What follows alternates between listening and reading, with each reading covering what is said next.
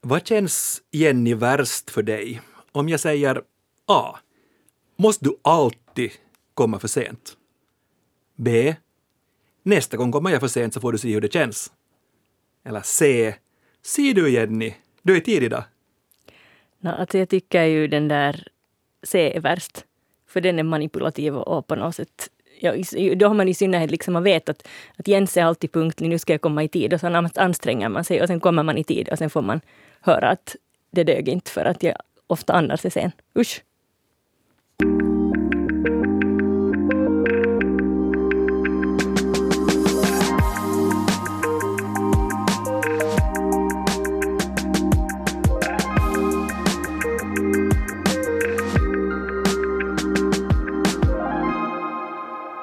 Näst sista ordet är här med mig, Jens Berg och språkexperten Jenny Silvin. Hej! Jag måste bums erkänna att jag är dålig på att gräla. För jag blir lätt så elak och jag använder då ord och uttryck som jag vet att såra den andra och så ångrar jag mig så fruktansvärt mycket efteråt. Så därför är min taktik att istället undvika gräl. Hur är det med dig? Ja, jag tycker att det handlar, gräl handlar jättemycket om vilka ord vi väljer. Alltså, jag tycker det är en stor skillnad mellan att gräla elakt och gräla schysst. Och samtidigt så, jag är nog själv ganska diplomatisk och jag har i allmänhet lätt för att tänka efter före och, och, väga mina ord så att det inte ska bli för elakt. Alltså det hellre ska vara fokus på sak och, och, inte på personlighet. Men det är klart att jag också gör övertramp mm. och får anledning att be om ursäkt. Och ibland vill man såra, men jag kan nog i så fall dra till med något sånt som pisshuvud, som på något sätt bara är liksom, bara direkt ogenomskinligt elakt och samtidigt inte egentligen särskilt mycket går in på personlighet. Nej. Jag ska nu säga också varmt välkommen till, till dagens gäst. Ann-Sofie Storbacka, välkommen. Tack. Familjerådgivare är du, psykoterapeut, chef för familjerådgivningscentralen vid Raseborgs kyrkliga samfällighet. Jag måste först Ann-Sofie fråga, vad gör du på ditt jobb? No, fast min titel är familjerådgivare, så det som jag i praktiken mest gör är jobba med par, alltså parterapi, eller med enskilda som, som behöver, behöver tala med någon som när man är i en jobbig livssituation som inte egentligen är det handlar inte om psykisk ohälsa utan, utan att man behöver reda ut med någon utomstående. Så det är det vad jag sysslar med. Mm. Är det mycket då att styra gräl och konflikter, alltså så att de blir mer konstruktiva, kan man säga så? Jo, nu kan man säga, säga så, för att, att man behöver vara hyfsat lugn för att verkligen reda ut konflikter. Mm. Och om varven är höga så då blir det bara pajkastning. Mm, sant. Vad säger du om de här exemplen jag tog i början till Jenny, obs, de här fiktiva exemplen. Är det här typisk språkanvändning, skulle du säga, i ett gräl? No, åtminstone är det ett utmärkt sätt att starta ett gräl på nytt. För på något sätt mellan raderna så, så, så gissar jag att, att det där med att, att vara sen, så det är ingen ny grej. Så man kommer inte med en lösning på det här med att, att hur, hur man får sin, sin kollega att komma mera i tid. Så det är ett bra sätt att starta gräl. Okej. Okay. Men hur mycket skulle du säga att gräl och konflikter uttryckligen handlar om språket, om ordval? Uh, språket och ordvalet är nog viktigt. Men egentligen för att sen komma vidare så behöver man, behöver man utreda att vad är det frågan om. Vad är det man vill uttrycka? Och varför har det gått så djupt att man behöver antingen anfalla eller försvara sig på fula sätt? Mm. Innan vi går in på orden som sårar så måste jag fråga om då gräl och konflikter i sig. Vad tycker du, är det då bättre att, att ta dem alltid, en konflikt, eller att göra som, som jag försöker göra, undvika, undvika dem? Mm, jag tror att det är klokt att, att försöka så gott som möjligt bedöma omständigheterna eller ramarna, alla kontexten. Att man behöver både, både liksom tid och vara hyfsat lugn och hyfsat trygg för att kunna på ett bra sätt ta en konflikt. Och bedömer man att, att det här är otryggt eller, eller att man har bråttom så då, då är det nog bättre att undvika. Mm. För varje småbarnsförälder vet att man ska inte börja lösa ett gräl elva på kvällen Nej. och tala om tidpunkt. Nej. Men hur, jag måste fråga, vi, vi har ju aldrig grälat Jenny, du och jag, sådär på riktigt. Nej. Är du en sån som som tar gräl eller undviker du gräl? Jag tycker att jag är ofta ganska bra på att bedöma när det är värt att ta dem. Och jag tycker i allmänhet just sådär som, som Ann-Sofie säger att på något sätt att jag kan låta en sak passera nu och sen kan jag ta upp den när tidpunkten är mer gynnsam. Och till exempel med, med barn och småbarn och, och tonårsbarn så, så, blir man, så tycker jag det är ganska, på något sätt en ganska nyttig sån här fingertoppskänsla när det är värt att gräla om mm. saker. Sen tycker jag också att det är jätteviktigt att bli arg i tid. Att man inte ska låta någonting växa och eskalera så mycket att man exploderar. Att hellre blir man liksom nästan fejkar man är lite större ilska än man känner för att man vet att någonting här i grunden. Och, och jag vill hellre bli arg nu medan jag ännu kan bli behärskat arg än jag väntar tills jag blir obehärskat arg. Tips ett här till Jens Berg hör jag. Vi frågar på Svenska Yles Facebook-konto vilka ord och uttryck sårar dig mest i ett gräl?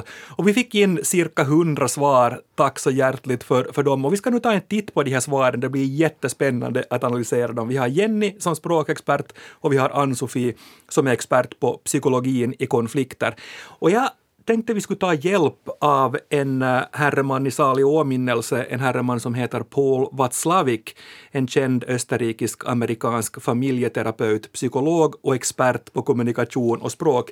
Bekant för dig, Ann-Sofie, den här, den här typen? Han, han är ett stort namn i den här lösningsinriktade um, terapiinriktningen. Den där som fokuserar på nuet och framtiden och på, på, på, på vad hjälper så fort som möjligt. Mm. Så Paul var inte så där att gå tillbaka till barndomen? Nej. Nej, exakt, framåt. Och, och, han har då äh, tittat på det här med, med ord och uttryck i olika gräl och konfliktsituationer och han har grupperat dem då i olika kategorier. Och jag har försökt placera in publikens kommentarer i de här Vatslaviks äh, kategorier kommentarerna in i dem alltså. Det finns en liten risk att jag förenklar något här och att jag har misstolkat något svar, men jag tar det på, på mig i så fall. Och en stor kategori som Václavik har kommit fram till när vi använder ord eh, i, i gräl och konflikter felaktigt, och det är när vi förminskar den andra personens värde. Och, och den första Mm, delen av det här är att man kan förminska någon utifrån kön. Jag tar några publikkommentarer och så får ni kommentera.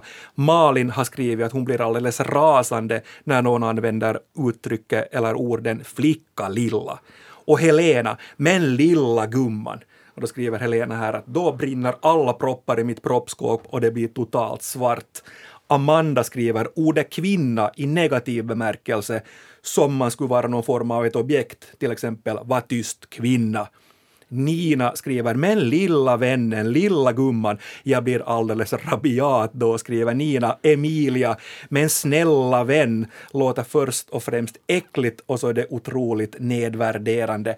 Vad säger ni, Ann-Sofie och Jenny, om den här kategorin, att man förminskar någon utifrån kön? Nej, det är ju vidrigt. Men sen säger jag om den sista, Emilias, men snälla vän, så där säger jag lite ouch, för jag vet att jag brukar själv säga just åt mina barn till exempel. Men älskade vän med lite så här trött röst när jag, när jag vill liksom när jag är uppgiven över deras hyss och hjälplöshet. Och jag tycker själv jätteilla om att jag gör det här, för älskade vän och andra kärleksord, så det borde, de borde man ju använda ja. blott och bart för att faktiskt uttrycka kärlek. Så att jag, jag smäller mig själv på fingrarna här. Men det här lilla vän och lilla gumman och, och tyst kvinna, så det är ju direkt så här härskarteknik mm. också. Man förminskar någon för att indirekt upplyfta sig själv. Ja. Absolut, så, så vill man verkligen öka varven i ett gräl så ska man använda det här. Och samtidigt så tänker jag på det här med min snälla vän eller lilla gumman. Så på något sätt får, kommer jag att tänka på att det där är autopilot eller det där är också någonting sånt som kommer från ens, ens bakgrundsfamilj. Att emellanåt så, så märker man själv att ouch, jag låter verkligen som mina föräldrar. Mm. En annan typ av förminskning finns här, här också och ta några publikkommentarer igen här. Gustav skriver, det som man i tonåren tyckte illa om, du är för liten för att förstå alternativt kunna eller veta eh, någonting eller etter värre, du är nu för gammal för att fatta, kunna eller veta det här, skriver Gustav. Eh, Johanna, nedvärderande ord som bry nu inte din hjärna med det här eller Tanja när någon påstår tvärt att du har fått någonting om bakfoten eller du har missförstått innan man ens knappt har hunnit säga någonting och den andra bara pratar på och avbryter så att man inte får fram sitt är ärende. Tyvärr alldeles för vanligt och för jävligt, skriver Tanja. Och Tina, men herregud, så dum kan du inte vara. Bli galen av det här när jag och hen har olika åsikter. Vad säger ni om det här då, alltså en annan form av, av förminskning och härskarteknik? Det här är också att positionera sig. Jag, jag, tänker på det här med att, att det finns ett talesätt som, som, som, som uh, jag använder ganska ofta i, i jobbet. Och det är det där med att vill du ha rätt eller vill du ha en familj? Vill du ha rätt eller vill du ha ett parförhållande? Och här är det ju det där med att här är någon som vill ha rätt men man kommer inte vidare i kommunikationen eller man kommer inte närmare varandra så här. Nej. Men vad brukar folk säga För det där är ju alltså ett jättebra, ett jättebra citat, eller ett, ett talesätt. Um, no, på något sätt så, åtminstone så avbryter det det här. Och sen, sen emellanåt så, så landar det för döva öron för att varven är så höga. Men liksom att tänka efter att vad är det jag riktigt vill med det här? Mm. För det här är, det här är mm, manipulativt anfall. Ja. Jag tycker när man umgås med det här att du är för liten för att förstå det här, så det tycker jag också är jättefult sagt åt ett barn eller en ung person som är jättearg. Det är en sak att säga att jag är din förälder, det står i lagen att det, det, är jag som ska liksom fatta beslut för dig och nu är det så här att det här är ett beslut som jag fattar. Det är på något sätt ett sakförhållande, det finns inget värde i det. Men just, liksom, men just att du är för liten för att förstå det här, så det är på något sätt det är jättemycket fulare för att, det, för att där uh, Ja, där förminskar man den man talar med och sin, sin mm. meningsmotståndare. Mm. Det är också monologiskt. Det vill säga att, att, att i den här situationen så handlar det inte om att öka förståelsen för ja. något fenomen utan, utan det är nog ja. det är men, rätt aggressivt. Men jag vet att jag ibland brukar använda den. Det står liksom i lagen att, att, det är min, att det är min uppgift att se till att du går i skola och i den uppgiften ingår att se till att du lägger dig tid på kvällarna. Att, mm. att om inte det här att du behöver din sömn och lalala mm. hjälper så då kan man till sist ta till det där. Men, men, men det tycker jag fortfarande, det är, det är ju faktiskt sant Medan att säga att du förstår inte ditt eget bästa är på något sätt... Nej. Där är, där är skillnader i, i, i graden av respekt mellan de här två exemplen ja, som du just har. Fler publikkommentarer. Den sista under, under rubriken förminskning och det här är då att beskylla den andra för att enbart agera utifrån känslor. Irina skriver ”lugna ner dig” om man visar känslor i ett gräl utan att vara aggressiv eller våldsam förstås. Katja Eh, hon hatar den här kommentaren. Är du på dåligt humör? Ann-Katrin eh, skriver här att eh, hon kan inte tåla du överreagerar och Maria skriver ta dig i kragen. Alltså hon tycker inte om det uttrycket i ett gräl. Vad säger ni om, om det här, alltså att, att, att på något sätt förminska också här den andra utifrån känslor, alltså att, att, att, du, du visar nu så mycket, så mycket känslor, att jag är nu minsann den rationella. Hur, hur typiskt är det, är det här? Du överreagerar i en vidrig kommentar. För man reagerar ju som man reagerar. Ja. Det är hemskt att få kritik för, för hur man reagerar. Ja, eller sina känslor. Alltså du får kritik för att du visar känslor. Ja. Och Men, också den som kritiserar har känslor. Det är, bara, det är bara annorlunda och är bättre att dölja det. Ja.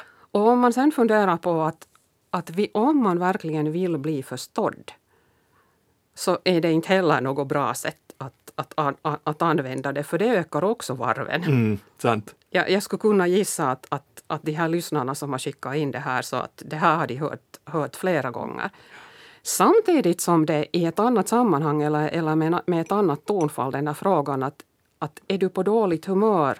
Att fråga så här undersökande att, att, att, att, att handlar det om mig? Mm. Eller är det någonting jag, jag behöver förstå?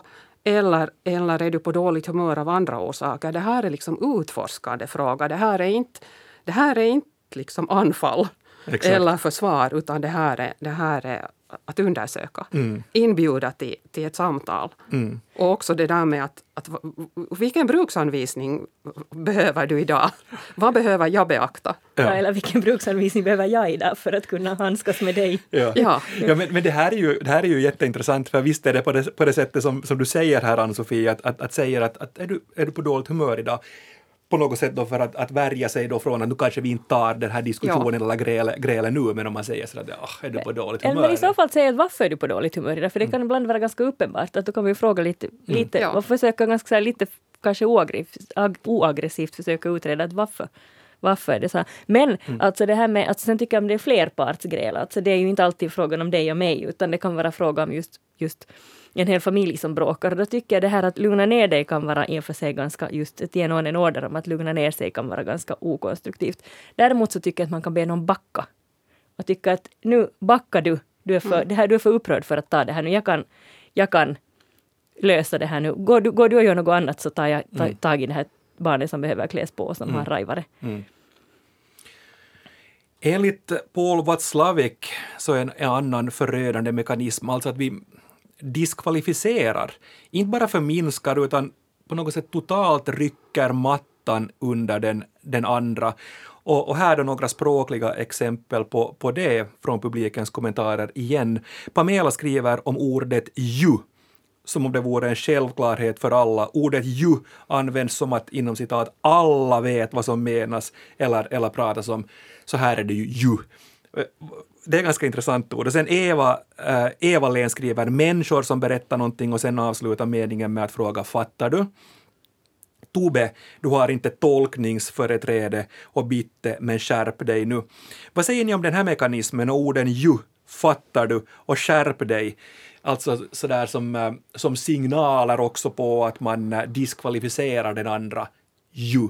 Förstå det här nu. Ju. När jag hörde dig så tänker jag att, att kontexten eller liksom graden av din irritation som jag registrerar har att göra med hu, hu, hur min upplevelse är att, att, att jag riktigt, riktigt tappar min fattning. För, för blir det riktigt illa eller känner man sig riktigt angripen så, så, så är det ju som om det är ett bra uttryck det där med att, att, att mattan rycks undan, undan mina fötter. Att, att det känns, alltså tankarna blir blurriga och, och, och, och, och, och, jag riktigt tappar fattningen. Och då är det verkligen illa för då, då, då, då, då, då har det gått verkligen under, Ja. under skinnet, skinnet på mig och då, då är det inte möjligt att kommunicera mera och, och, och, och ett sånt här gräl kommer man ihåg länge. Mm. Vad säger du Jenny om, om de här orden och uttrycken i sig, fattar du och ju och, och, och skärp dig och sådär, liksom diskvalificerar den andra? Nej, tycker jag tycker fattar du i sig betyder behöver ju inte vara negativt. Alltså om man vill bara kvittera med den andra att har du uppfattat, har du uppfattat vad jag har sagt. Men sen är ju, om det är en grälsituation så blir ju alla de här orden som, är, som annars är ganska neutrala och, och kanske kan liksom fungera just för att, se- att man ska förtydliga det man vill kommunicera. Men sen i en konfliktsituation så kan de uppfattas helt annorlunda och, och de kan också användas helt annorlunda. Vilket gör att de inte bara uppfattas som liksom elaka ord utan faktiskt också blir det. För vi reagerar både på orden men också på tonfall, på, på kroppsspråk, på, på, på alla de signaler som den andra, andra sänder ut. Och är de, är de hyfsat neutrala så är de här orden de är inte trevliga men, men, men de är inte farliga. Men om den andra verkligen, om man registrerar att, att, att den andra håller på nästan att explodera, då är det, då är det illa. Mm, sant. Och det kommer här, lovar jag, att bli ännu värre.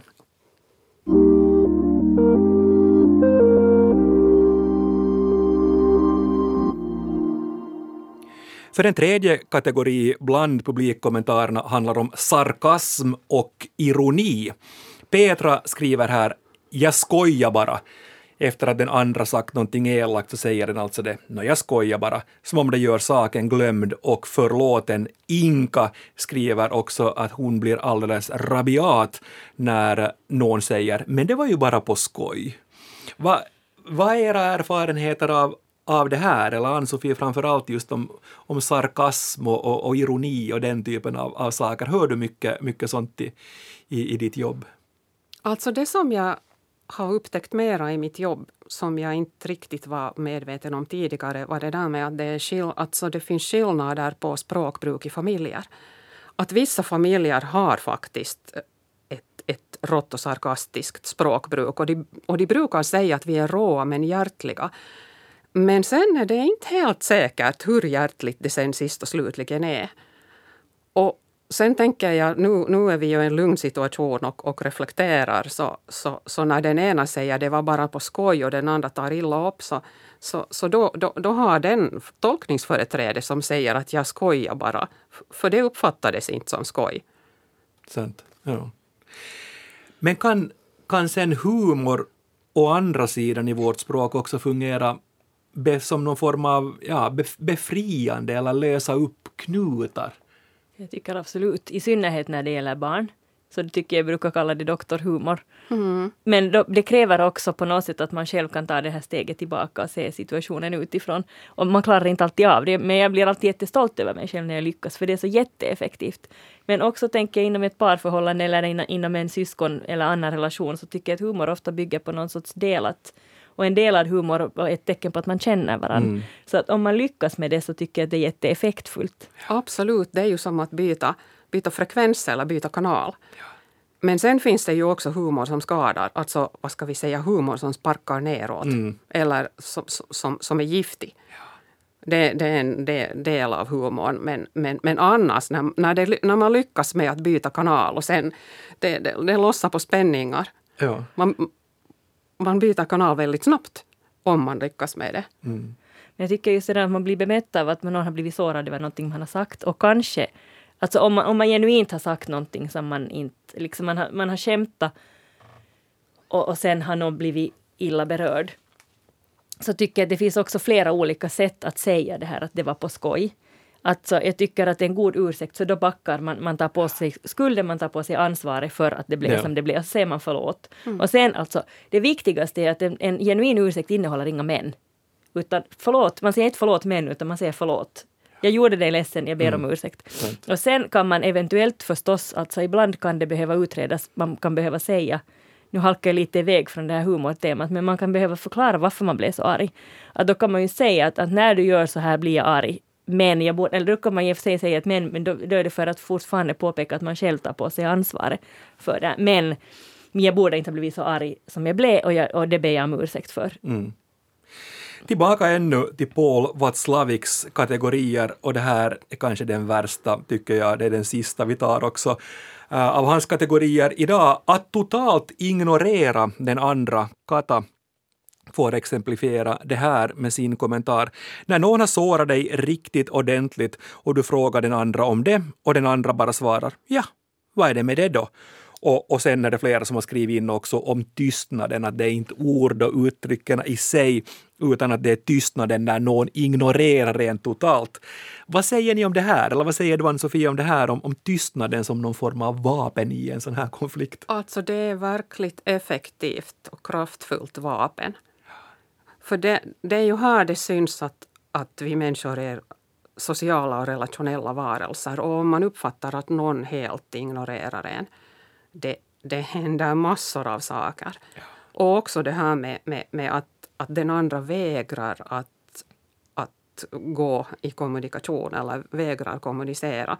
Så, så det, mitt behov av att säga, säga någonting eller reda upp någonting eller att överhuvudtaget bli hörd så, så, så, så det bara växer och växer. Mm. Så att det, det är nog jättedestruktivt. Ja. Jag tycker i och för sig så, så jag har ibland till exempel blivit riktigt, riktigt väldigt, liksom väldigt provocerad av mina barn. Så jag har sagt att jag behöver gå ut en stund. Och då handlar det inte om att ignorera och vara liksom, för det är en annan sak att faktiskt fysiskt avlägsna sig tycker jag, för ibland måste man nästan göra det för att inte bli farlig för sig själv och andra. Alltså för att inte, inte börja liksom, mm. för att kyla ner känslorna. Men, men det är inte riktigt samma sak tycker jag. Nej, det är inte samma sak och framförallt så behöver man, behöver man säga att jag kommer tillbaka om en stund. Ja att, att jag tar time-out men jag kommer mm. tillbaka. Men den som har tystnaden som vapen så är tystnaden obestämbart lång. Mm. Och en del som är ihärdiga, det kan ju hålla i veckor, månader. Ja.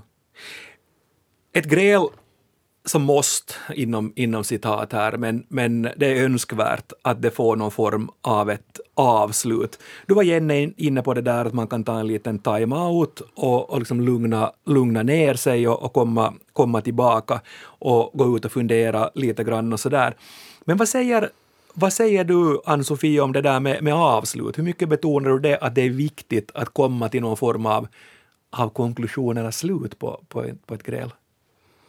Mm. det är ju inte alltid möjligt att få ett avslut. Men, men det som är viktigt är det där med fredssträvare. Eller, eller så här att, vad ska vi säga, att, att, att, att, att emellanåt vända sig mot varandra. Eller vad ska man kalla det nu, snabbreparation eller mikroreparation. Och att det är viktigare att, att, att fokusera på det. Att hur, hur, hur, hur, hur, hur, hur kan vi vara hyfsat lugna mm. här?